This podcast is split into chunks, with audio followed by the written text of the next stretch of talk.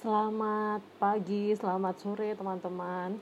Tiba di akhir perkuliahan semester kita ya di uh, mata kuliah komunikasi lintas budaya, kita punya satu topik yang sangat menarik yaitu mengenai masyarakat adat dan pencari suaka. Jadi ini adalah materi tambahan ya yang saya buat di akhir pertemuan dan memang tidak uh, diinkludkan ke dalam teori-teori atau isu yang kemarin kita bahas untuk uh, proyek buku sebagai luaran mata kuliah KLB itu sendiri. Jadi tidak apa-apa, ini uh, memang merupakan materi, materi baru yang mungkin tidak semua dosen juga akan mengangkat uh, materi mengenai ini masyarakat adat dan para pencari suaka ini di uh, subjek komunikasi lintas budaya. Cuman karena saya rasa ini merupakan isu yang relatif baru dan eh, teman-teman uh, wajib mengetahuinya ya sebagai uh, mahasiswa komunikasi yang menjadi gatekeeper di dunia di dunia komunikasi entah itu praktisi nanti uh, atau akademisi jadi atau sekalian memahami isu-isu yang uh, baru meskipun tidak banyak diketahui oleh orang banyak seperti itu. Oke, kita mulai dari masyarakat adat. Jadi kalian bisa sambil buka slideshow-nya. Di uh, masyarakat adat ini maaf ya, saya uh, memberikan slideshow-nya dalam bahasa Inggris. Nggak apa-apa ya sambil belajar karena ini kemarin saya jadi pemateri forumnya bahasa Inggris jadi uh, daripada saya buat lagi akhirnya saya kasih aja ke kalian sekalian belajar ya. Jadi masyarakat adat ini kalau kita uh, terjemahkan ke bahasa Inggris itu kita akan pakai uh, diksi yang namanya indigenous people ya. Indigenous people adalah bahasa Inggrisnya masyarakat adat. Jadi uh, masyarakat adat ini merupakan masyarakat sebuah masyarakat atau komunitas ya yang mereka uh, berdasarkan etnis tertentu uh, tidak melakukan perpindahan atau migrasi dari uh, dari tempat ibaratnya lokasi nenek moyangnya. Jadi ke dia nenek moyangnya dulu turun temurun adanya di situ dia tidak akan uh, pindah tidak urbanisasi tidak migrasi. Jadi akan tetap tinggal di tempat asli mereka dan hidup dengan cara yang tradisional uh, sering kali masyarakat adat ini juga mengandalkan alam ya dunia sekitar yang masih uh, sangat natural untuk menjadi bagian dari hidup mereka. Jadi uh, kalau kalian tahu misalnya uh, masyarakat adat yang di Indonesia yang terkenal kita punya banyak aslinya ya. Atau mungkin yang paling terkenal ada suku Dayak misalnya di Kalimantan ya yang di mana kita tahu uh, masyarakat Dayak itu masih menggunakan cara-cara tradisional untuk hidup. Tidak semua memang, tapi masih ada yang bertahan seperti itu. Begitu juga dengan uh, suku Baduy di Banten Uh, nanti kita akan ngomong lebih lanjut mengenai masyarakat adat yang ada di Indonesia. Tapi yang harus teman-teman ketahui, masyarakat adat ini tidak hanya ada di Indonesia yang jelas ya. Jadi uh, masyarakat adat itu merupakan cerminan penduduk asli dari suatu tempat yang di mana ini uh, jelas terdapat di seluruh belahan dunia. Jadi masing-masing negara itu mereka mempunyai masyarakat adat mereka sendiri ya yang entah oleh pemerintahnya itu dilestarikan oleh pemerintahnya dirawat atau sama pemerintahnya malah ditindas itu semuanya ada di dunia ini.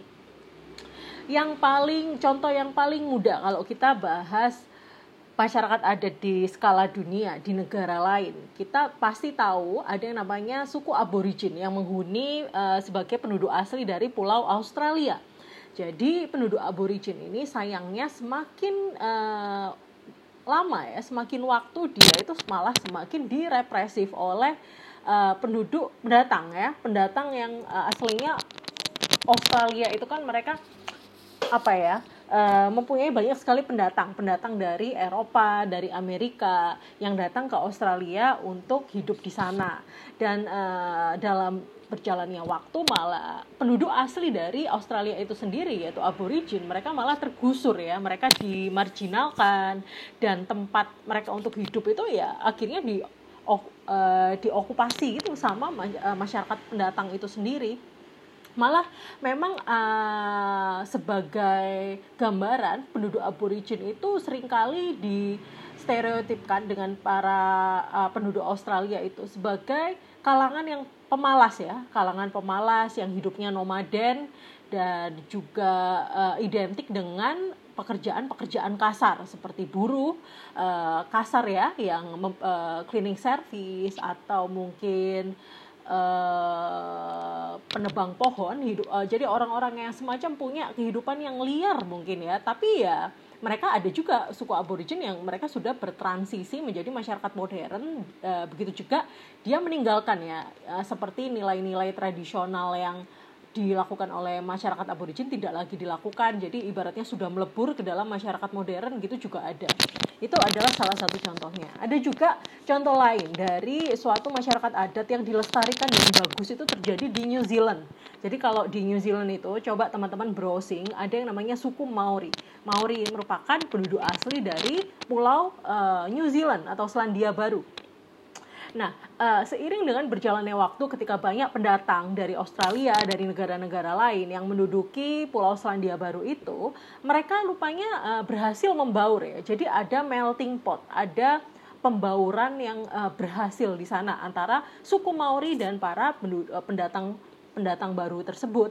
Hingga sekarang pun pendatang itu juga sangat uh, menghormati penduduk asli Maori uh, hingga pada acara-acara seremonial tertentu mereka itu menggunakan cara suku Maori ya. Jadi mereka itu misalnya ketika uh, ada upacara pernikahan, mereka akan melakukan suatu seremonial uh, tepuk-tepuk badan gitu, tepuk-tepuk tangan dan badan. Kalian bisa uh, coba browsing di YouTube, di Google tuh banyak sekali bagaimana suku Maori mempunyai salah satu seremonial. Saya lupa namanya apa, tapi di sana mereka sangat apa ya sangat bangga dengan melakukan tradisi tepuk-tepuk badan uh, dan tangan tersebut seperti itu. Nah itu adalah salah satu contoh bagaimana masyarakat adat dia mampu dipelihara, dilestarikan oleh negara ya untuk menjaga nilai-nilai orisinalitas dari sebuah tempat uh, tersebut seperti itu. Jadi di semua negara ya bisa dipastikan kita punya yang namanya masyarakat adat. Entah yang kehidupannya itu masih sangat asli, jadi bisa kita katakan agak primitif gitu ya, yang mereka tidak mau terikat atau berinteraksi dengan dunia luar, atau juga masyarakat adat yang sudah terpapar, sudah banyak sekali exposure dengan dunia-dunia luar seperti itu. Oke, sekarang kalian lihat coba di slide yang keempat di Indonesia sendiri kita punya salah satu masyarakat adat yang sangat terkenal yaitu suku Baduy ya. Baduy ini merupakan suku tradisional Sunda yang hidup di provinsi Banten. Jadi dia hanya beberapa jam dari Jakarta, sangat sangat dekat dengan kehidupan modern yang uh, sangat hingar-bingar gitu ya. Tapi ternyata hanya beberapa jam saja dari Jakarta kita bisa menemui suatu uh, kehidupan yang sangat tradisional. Saking tradisionalnya mereka itu ada di suku Baduy Dalam ya. Suku Baduy Dalam itu uh, mereka hanya menggunakan listrik pada jam-jam tertentu. Tidak ada sinyal HP di sana. Kalau kita mau sinyal, kita bisa pergi ke suku Baduy luar ya. Itu pun ketika di suku Baduy luar yang ada mungkin hanya sinyal-sinyal yang terbatas ya, sinyal terbatas. Dan di suku Baduy luar pun itu uh, jam 7 malam itu ibaratnya sudah gelap. Mereka juga telah mematikan uh, lampu pada jam-jam berikut. Banyak sekali ya uh, wisatawan yang memanfaatkan kesunyian tempat di suku Baduy dalam atau luar ini menjadi sarana bermeditasi. Jadi mereka uh, pergi ke sana karena memang ada beberapa tempat di suku Baduy luar itu yang menyediakan seperti cottage gitu ya, perpondokan untuk para wisatawan yang ingin merasakan kehidupan suku Baduy seperti itu. Nah, itu yang ada di Indonesia ya. Jadi di suku Baduy pun itu juga uh, kita bisa lihat uh, baju-bajunya ya. Kalian bisa lihat di slide yang kelima ini sudah menggunakan baju berkain walaupun masih sangat sederhana dan mereka identik dengan tas kain berwarna putih yang ditenteng-tenteng ke mana seperti itu ya uh, seperti itu dan uh, dalam konteks masyarakat adat jadi seluruh dunia ya masyarakat di seluruh dunia itu kita sudah uh, menetapkan 9 Agustus sebagai Hari Internasional Peringatan Masyarakat Adat.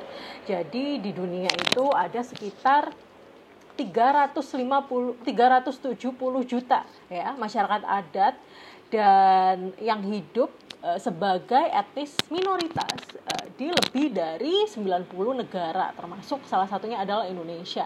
Nah, Lalu kenapa sekarang isu mengenai masa, masyarakat adat itu mulai banyak di blow up, walaupun tidak oleh semua orang ya, walaupun tidak semua uh, kalangan juga aware terhadap isu-isu masyarakat adat ini. Tapi mungkin kalian bagi kalian yang uh, suka membaca ya di berita-berita baru, entah itu di media atau di atau di mana ya atau di mana saja pasti juga sudah aware bahwa ada media-media tertentu yang concern terhadap hak-hak masyarakat adat. Di Indonesia seperti misalnya di Tirto ya lalu di uh, Project Multatuli dan juga di Watchdog Dokumenter itu banyak sekali liputan-liputan mereka yang menyoroti betapa masyarakat adat itu sekarang semakin dimarginalkan ya. Mereka sangat dianggap sebagai suku yang primitif yang tidak uh, mau membuka diri terhadap kehidupan luar. Jadi ibaratnya kita di sini menganggap modernisasi adalah segalanya, bahwa masyarakat yang tidak mau uh, membaur dengan dunia modern itu salah. Kita terlalu uh, kita menjadi manusia modern yang sangat jahat ya dengan justifikasi seperti itu. Padahal Kenapa kita akhirnya perlu concern terhadap isu-isu ini ya teman-teman ya di tengah merebaknya isu perubahan iklim seperti yang sekarang kita harus memahami ya bahwa masyarakat adat ini uh, mereka sangat membantu kita dalam memprotek lingkungan ya, dalam memerangi perubahan iklim hingga bagaimana menciptakan suatu uh, kondisi yang ramah terhadap lingkungan uh, itu hal-hal yang tidak kita sadari sebagai manusia modern. Karena apa? Karena uh, hidup masyarakat adat itu mereka uh, sering kali ya sering kali diasosiasikan menghormati alam. Mereka mampu menghormati melindungi tidak menciptakan aktivitas-aktivitas konstruktif terhadap alam yang selama ini banyak diciptakan oleh manusia-manusia modern seperti itu ya. Uh, itu itu adalah kenapa? Pertama kita harus melindungi hak dari masyarakat adat tersebut. Uh, lalu yang kedua ya uh, semakin berjalannya waktu semakin ke sini ternyata di tengah negara ya yang uh, melakukan segalanya untuk uh, pertumbuhan ekonomi uh, ternyata pemerintah itu malah menjadi represif terhadap hak-hak masyarakat adat. Di sini pemerintah yang mungkin diwakili oleh instansi pemerintahan atau instansi swasta sendiri, mereka itu banyak sekali yang melakukan uh, apa kebijakan yang semena-mena terhadap masyarakat itu sendiri ya. Jadi misalnya uh, seperti kita ketahui karena uh, pertumbuhan ekonomi adalah segalanya bagi pemerintah yang rezim sekarang. Maka ini membuat para masyarakat adat ini banyak sekali mengalami yang namanya penggusuran.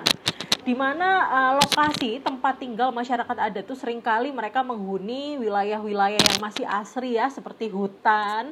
Lalu wilayah-wilayah uh, ya hutan ya kebanyakan wilayah-wilayah hutan yang mungkin oleh mereka sudah dibuat beberapa uh, beberapa pemukiman yang sangat asli menggunakan bahan-bahan yang masih sangat apa adanya ya. Mungkin rumahnya pun tidak terbuat dari semen. Seperti itu. Itu lalu uh, pemerintah kita ya uh, karena itu tadi kita uh, sekarang mulai meng, uh, menguras apa namanya melakukan perpindahan alih fungsi hutan ya alias deforestasi yang pernah kita bahas. Dari hutan menuju perkebunan dari hutan menuju pemukiman dari hutan menuju eh, gedung-gedung mungkin atau industri ya. Nah itu rupanya dari situ pemerintah uh, tidak akan melihat uh, pertimba uh, masyarakat adat sebagai pertimbangan yang patut di, uh, dilihat jadi ya masyarakat adat tidak tidak akan diperhitungkan ya nasib mereka. Mungkin mereka akan diberikan ganti rugi. Tapi itu tidak sepadan ya uh, yang jelas dengan bagaimana dari turun temurun masyarakat masyarakat adat ini sudah menjaga wilayah tersebut ya. Supaya mereka punya uh, ibaratnya uh, suatu mekanisme yang harmoni dengan alam itu tidak bisa ditebus dengan uang berapapun ibaratnya seperti itu. Dan masyarakat adat punya haknya sendiri ya untuk menyelenggarakan bagaimana masyarakat e, mereka itu e, mau berjalan. Jadi kan ada itu e, di masyarakat adat yang mereka tidak memberangkatkan anak-anaknya ke sekolah tapi yang penting anak-anaknya ini bisa baca tulis. Nah, itu itu tidak ada yang salah dengan itu ya teman-teman ya. Uh, kita tidak bisa menyamaratakan pendidikan modern itu sama uh, lebih baik daripada pendidikan yang dimiliki oleh masyarakat adat. Pendidikan modern yang sekarang kita jalani, tapi kalau ujung-ujungnya membuat kita mempunyai uh, pertimbangan-pertimbangan yang politis ya yang uh, hanya mementingkan uh, pihak apa golongan atau kepentingan tertentu saja yaitu tidak lebih baik daripada orang-orang masyarakat adat yang mereka mampu menjaga harmoni dengan alam ya. Uh, mereka mampu menjaga rantai kehidupan yang berfungsi uh, de uh, dengan perannya masing-masing seperti itu. Ya itu. Jadi sekilas. Nah sekarang coba uh, kita tadi uh, bahas ya kenapa masyarakat adat itu seperti itu. Dan uh, pun di Indonesia sudah banyak ya media-media yang mulai menyorot mengenai hak-hak masyarakat adat dan bagaimana konflik-konflik uh, yang berbau entah itu konflik lahan ya konflik konflik agraria atau konflik-konflik uh, yang berbau hak dari masyarakat adat ini sudah uh, mulai disorot walaupun hanya oleh media-media tertentu. Jadi media-media crowdfunding ya yang uh, bersifat mereka tidak dimiliki oleh lingkungan dari oligark ya uh, yang terlibat dalam rezim.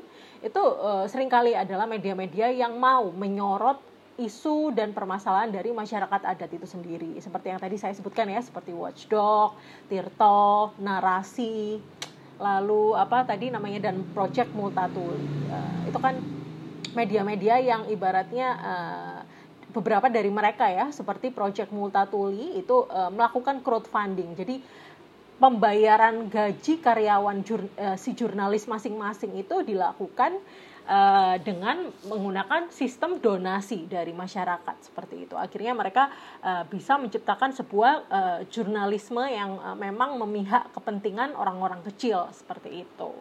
Oke. Okay. Lalu coba sekarang kita lihat, sekarang uh, kita ke India. Di India itu ada uh, masyarakat adat yang masih sangat tradisional, namanya Jarawa ya, Jarawa uh, community atau Jarawa indigenous people.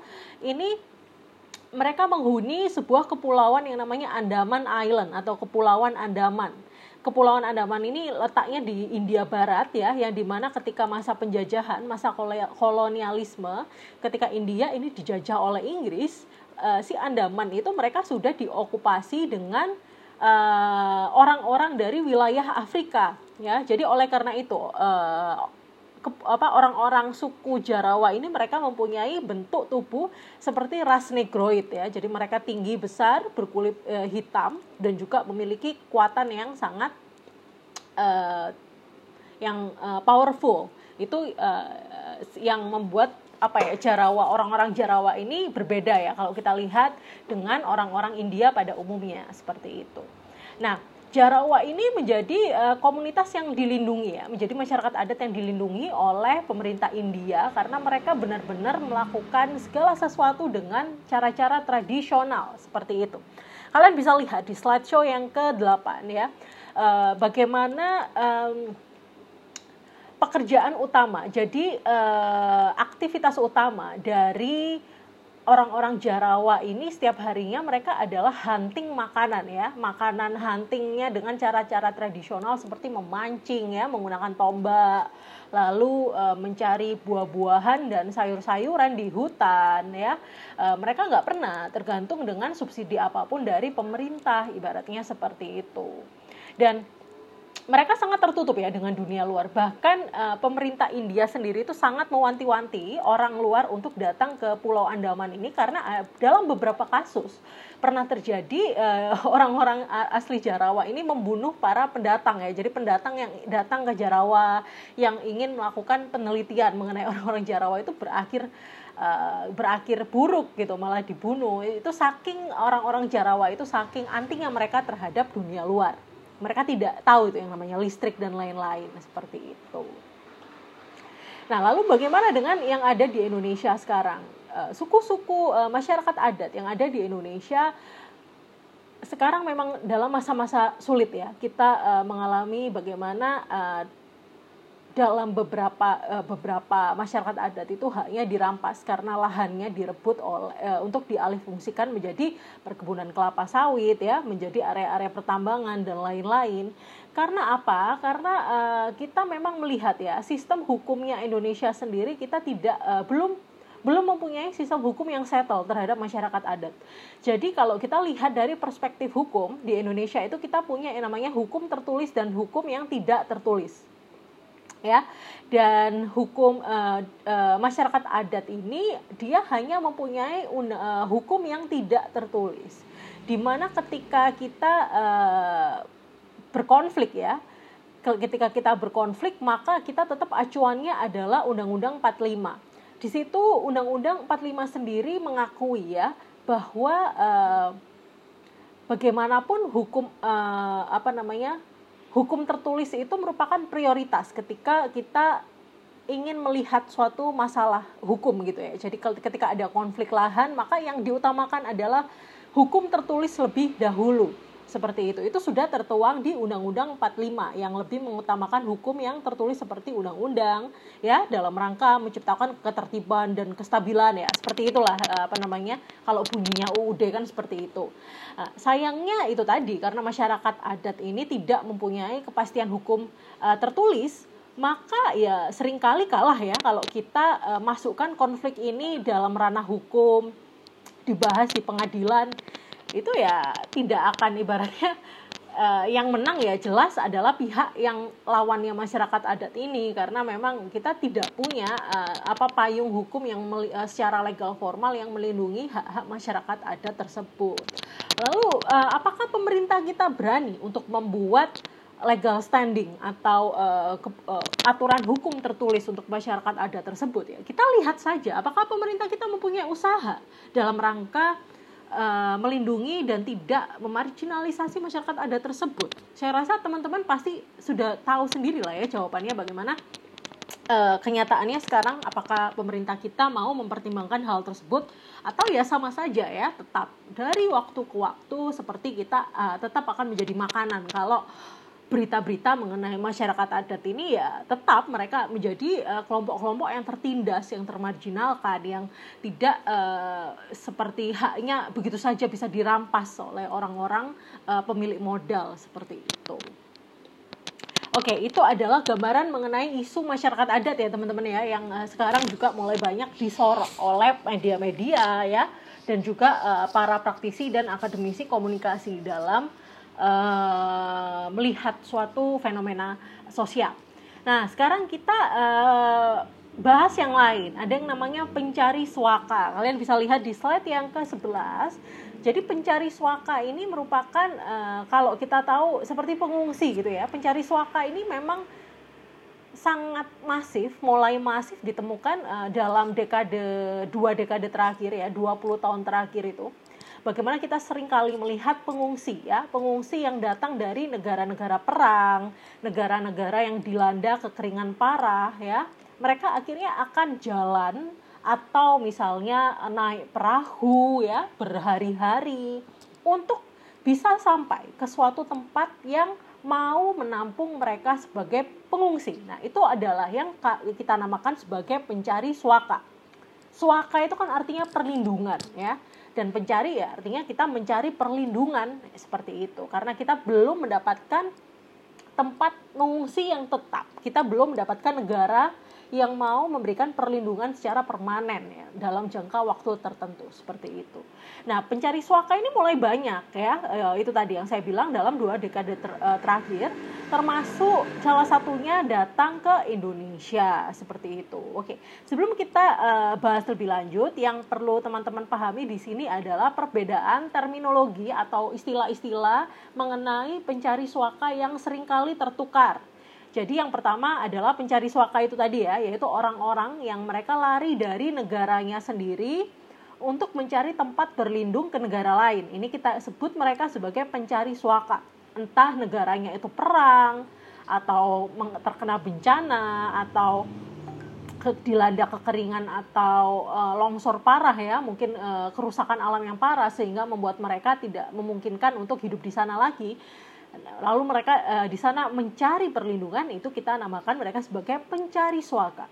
Lalu selanjutnya adalah pengungsi ya. Pengungsi ini bahasa Inggrisnya adalah refugees. Pengungsi ini merupakan orang-orang yang mendapatkan ketetapan status pengungsi ya dari UNHCR, UNHCR atau uh, badan salah satu badan PBB yang mengurusi masalah-masalah pengungsi di seluruh dunia.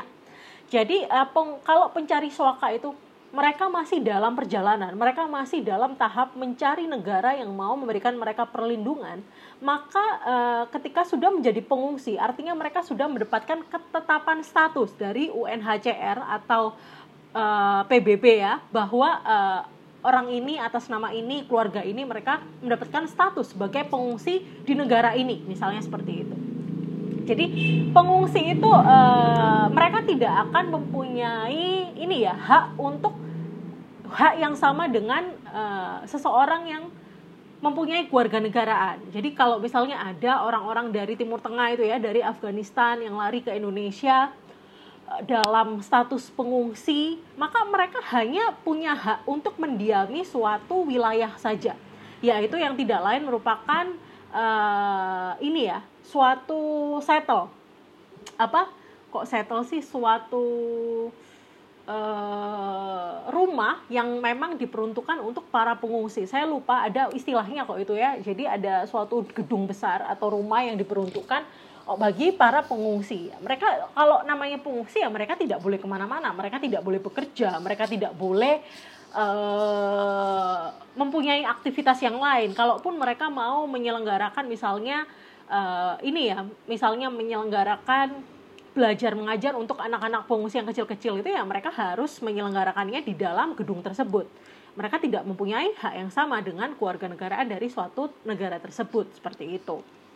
Jadi uh, para pengungsi ini di di Indonesia kita mempunyai banyak sekali ya sebaran lokasi-lokasi yang mempunyai pengungsi. Nanti kita akan uh, lihat petanya. Itu adalah pengungsi lalu uh, sebutannya akan beda lagi sama yang namanya imigran ya. Jadi kalau pengungsi dia tidak mempunyai hak yang sama dengan uh, warga negara lain maka imigran ini dia mempunyai hak. Karena orang yang sudah berstatus sebagai imigran artinya dia telah melakukan ini ya melakukan proses sedemikian rupa hingga akhirnya dia mendapatkan izin permanen untuk tinggal di suatu negara kalau sudah tinggal e, izin permanen untuk tinggal di suatu negara, artinya dia mempunyai hak untuk bekerja, untuk mendapatkan pendidikan, untuk mendapatkan hak-hak yang hampir sama ya. Ada mungkin beberapa bedanya sama hak warga negara asli, tapi imigran itu hak dan kewajibannya hampir sama menyerupai warga negara suatu wilayah seperti itu. Jadi kalau imigran itu berarti ibaratnya mereka uh, kita misalnya pergi, saya diterima bekerja di salah satu universitas di Amerika Serikat, maka status saya di situ adalah sebagai imigran. Karena saya belum mengajukan status perpindahan kewarganegaraan sedangkan saya sudah uh, memulai aktivitas saya untuk bekerja di Amerika. Nah, itu artinya saya uh, berperan sebagai imigran di sana. Seperti itu ya teman-teman ya. Itu artinya imigran. Lalu yang terakhir adalah displaced people atau orang terlantar jadi kalau orang-orang terlantar ini statusnya dia stateless ya dia tidak tidak uh, tidak peduli dia dari mana yang penting kalau dia tidak mempunyai tempat untuk tinggal atau kita bisa sebut sebagai homeless maka kita bisa sebut mereka sebut mereka sebagai orang terlantar. Jadi mereka bisa jadi terlantar di negaranya sendiri atau terlantar di negara lain seperti itu. Ya, itu adalah perbedaan terminologi yang sering tertukar antara mencari suaka, pengungsi, imigran dan orang terlantar. Nah, uh, dari perspektif hukum ya, supaya kita bisa melihat uh, akar dari permasalahan ini, dari sebuah ketetapan hukum uh, ada yang namanya Konvensi Internasional United Nation atau uh, Perserikatan Bangsa-Bangsa mengenai pengungsi. Yang ini sudah dimulai sejak tahun 1951. Jadi konvensi refugee atau konvensi pengungsi ini ditandatangani oleh berapa ya? 150 sekian negara. Jadi ha, hampir semua negara di dunia ini menandatangani konvensi uh, bantuan untuk para pencari suaka tapi sayangnya Indonesia ya, Indonesia eh, kita tidak termasuk negara yang menjadi penanda tangan dari konvensi pencari suaka tersebut. Jadi ibaratnya ketika ada ini ya huru hara misalnya seperti kemarin yang terjadi di Afghanistan. Afghanistan mendeklarasikan uh, menjadi uh, negara Islam. Lalu akhirnya itu membuat banyak sekali orang-orang Afghanistan yang ingin pindah ke negara lain. Salah satunya adalah Indonesia. Jadi orang-orang Afghanistan yang mereka lari uh, ke negara-negara lain, mereka hanya sebenarnya ya, ha, sebenarnya mereka hanya bisa lari ke negara-negara yang menandatangani konvensi PBB tersebut. Walaupun pada prakteknya ya masih tetap aja banyak yang ke Indonesia, banyak uh, ada atau ke negara-negara lain yang mereka tidak menandatangani konvensi PBB tersebut. Jadi untuk Indonesia sendiri, meskipun kita tidak uh, meskipun kita bukan salah satu negara ya yang menandatangani yang uh, menyepakati kebijakan uh, konvensi PBB pada 1951 tersebut. Tapi kita mempunyai regulasi ya yang kemarin baru dibentuk pada 2016. Jadi ada peraturan presiden tentang penanganan pengungsi dari luar negeri. Nah, ini akhirnya yang membuat akhirnya ya untuk pertama kali Indonesia mempunyai aturan secara legal formal mengenai bagaimana menampung para pengungsi dari luar negeri tersebut seperti itu. Nah, ngomong mengenai pencari suaka ya, uh, maka saya di sini juga harus ini ya paparkan negara-negara yang menerima uh, paling banyak pengungsi di dunia.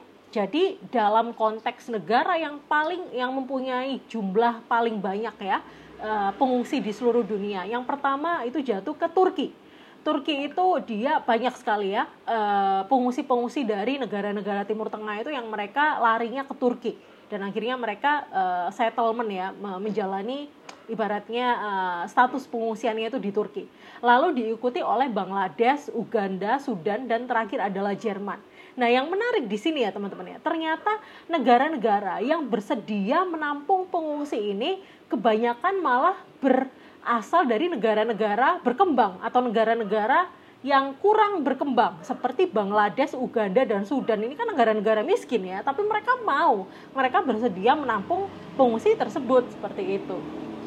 Sedangkan sekarang ya, kalau tadi adalah negara-negara yang menerima, yang menampung jumlah uh, refugi paling banyak. Sekarang coba kita lihat ke slide 15. Nah, di sini adalah lima negara terbesar yang mengirim pengungsi di seluruh dunia. Jadi pengungsi-pengungsi itu kebanyakan dari kelima negara ini ya. Yang pertama adalah Syria, yang kedua Venezuela, Afghanistan, South Sudan atau Sudan, Sudan Selatan dan Myanmar. Jadi kita bisa lihat di sini kalau negara-negara yang mengirimkan pengungsi itu kebanyakan mereka adalah negara-negara perang seperti misalnya Syria. Syria ini uh, dilanda perang ya ketika kemarin presidennya Bashar al-Assad ya dari Islam Syiah, uh, dia mendeklarasikan perang. Lalu diikuti dengan Venezuela. Venezuela ini merupakan negara komunis ya, di mana uh, pemimpinnya sangat represif. Jadi uh, orang-orangnya kelaparan, banyak yang meninggal karena tidak mampu membeli uh, kebutuhan pokok hidup ya. Uh, akhirnya banyak sekali orang-orang Venezuela yang juga lari sebagai pengungsi. Diikuti dengan Afghanistan. Afghanistan dan uh, Sudan Selatan ini sama ya. Mereka dilanda Uh, permasalahan uh, ini agama. Jadi uh, ada dua spektrum agama yang terpecah ya. Jadi uh, ada Islam ekstrim dan juga Islam moderat yang di sana saling uh, ibaratnya saling berusaha menguasai satu sama lain ibaratnya seperti itu.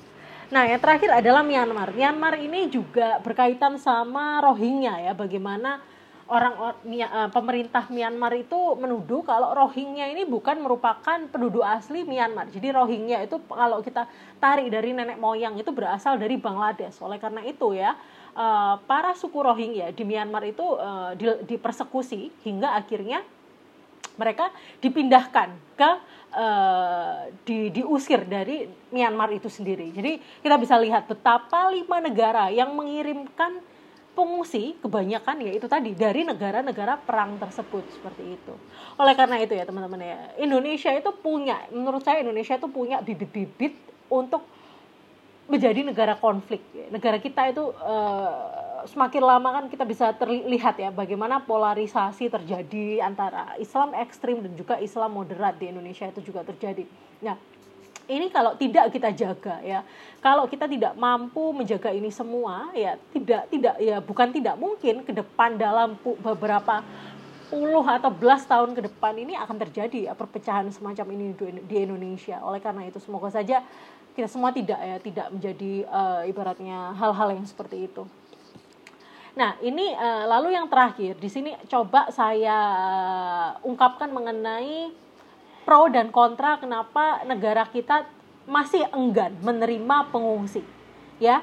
Jadi uh, coba yang pertama adalah pro ya, kenapa kita harus menerima pengungsi di slide yang ke-16 ini. Jadi uh, istilahnya para pengungsi ini mereka mempunyai hak ya. Jadi mencari suaka itu merupakan suatu hak yang dilindungi oleh PBB. Itu yang itu merupakan kebutuhan pokok manusia, kebutuhan pokok kita untuk mencari perlindungan ketika kita merasa dalam bahaya. Oleh karena itu, uh, ini sudah menjadi kesepakatan uh, bagi dunia eh, negara-negara yang tergabung dalam PBB. Jadi saya rasa itu salah satu pertimbangan kenapa akhirnya Indonesia juga harus menerima pengungsi tersebut. Lalu yang kedua, separuh dari pengungsi ini adalah anak-anak. Jadi kita bisa bayangkan para pengungsi ini bisa sangat bisa kita berdayakan ya bila kita membinanya dengan sangat baik seperti itu. Lalu yang ketiga, para pengungsi itu mereka juga sangat rentan ya terhadap konflik, kekerasan dan persekusi. Uh, jadi ibaratnya ya kalau mereka di mana-mana itu akan rentan untuk uh, untuk untuk uh, menerima itu semua seperti itu. Dan beberapa negara ya juga uh, sekarang itu mengalami yang namanya uh, populasi yang menua atau aging population seperti Italia, Jepang ya.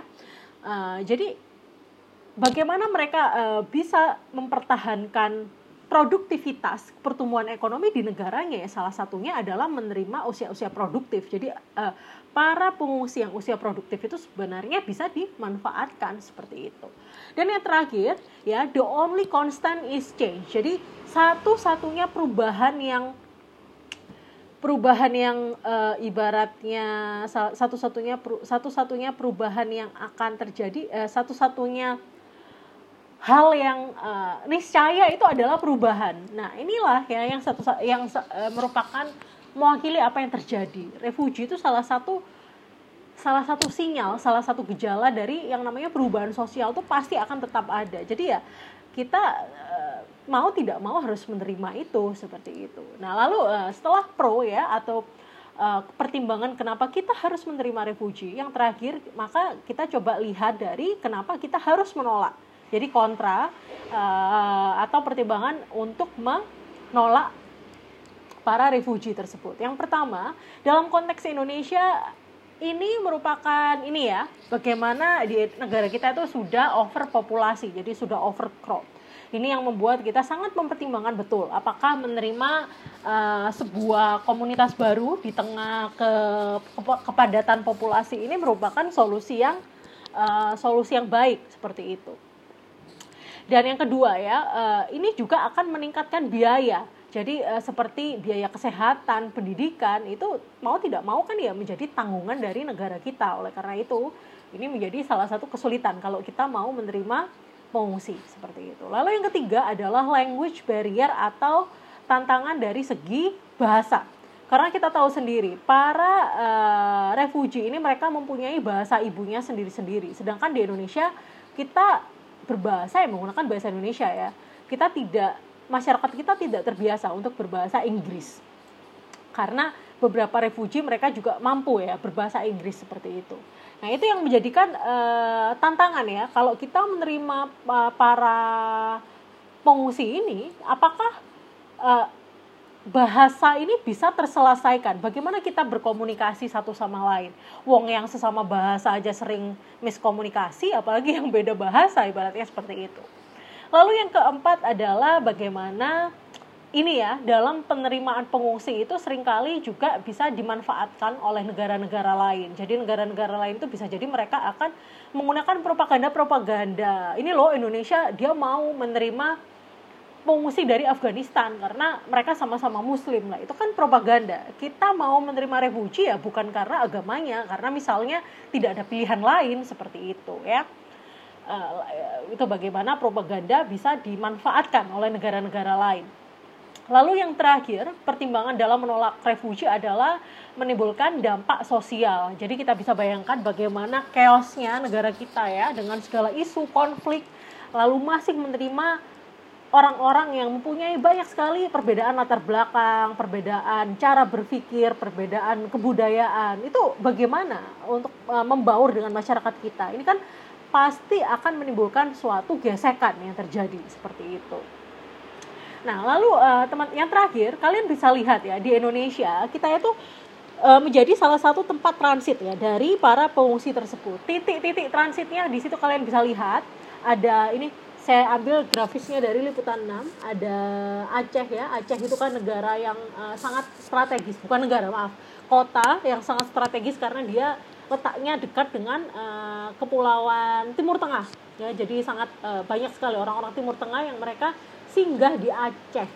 Lalu ada juga di Medan Tanjung Pinang Pontianak bahkan Surabaya ya. Surabaya itu kita punya detention center ya. Detention center itu tempat tinggalnya atau tempat tinggal para pengungsi itu kita punya di daerah Sidoarjo sama Pasuruan untuk menampung para pengungsi dari negara-negara lain.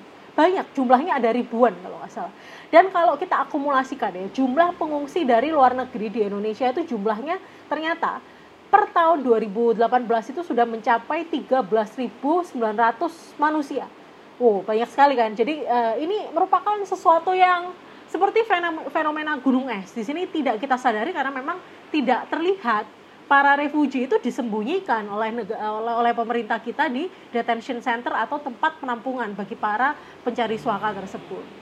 Oleh karena itu, mungkin supaya ini bisa menjadi suatu insight atau wawasan baru bagi kita ya bahwa ini loh di negara kita ada sebuah fenomena yang baru yaitu fenomena menerima para pencari suaka untuk menjadi pengungsi dan ditempatkan di beberapa detention center yang terpusat di beberapa kota di Indonesia seperti itu.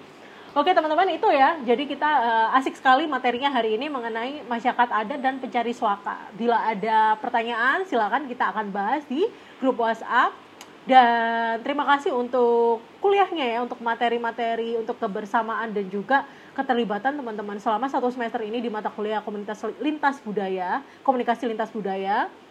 Semoga sukses untuk evaluasi akhir semester. Selamat pagi, selamat sore. Wassalamualaikum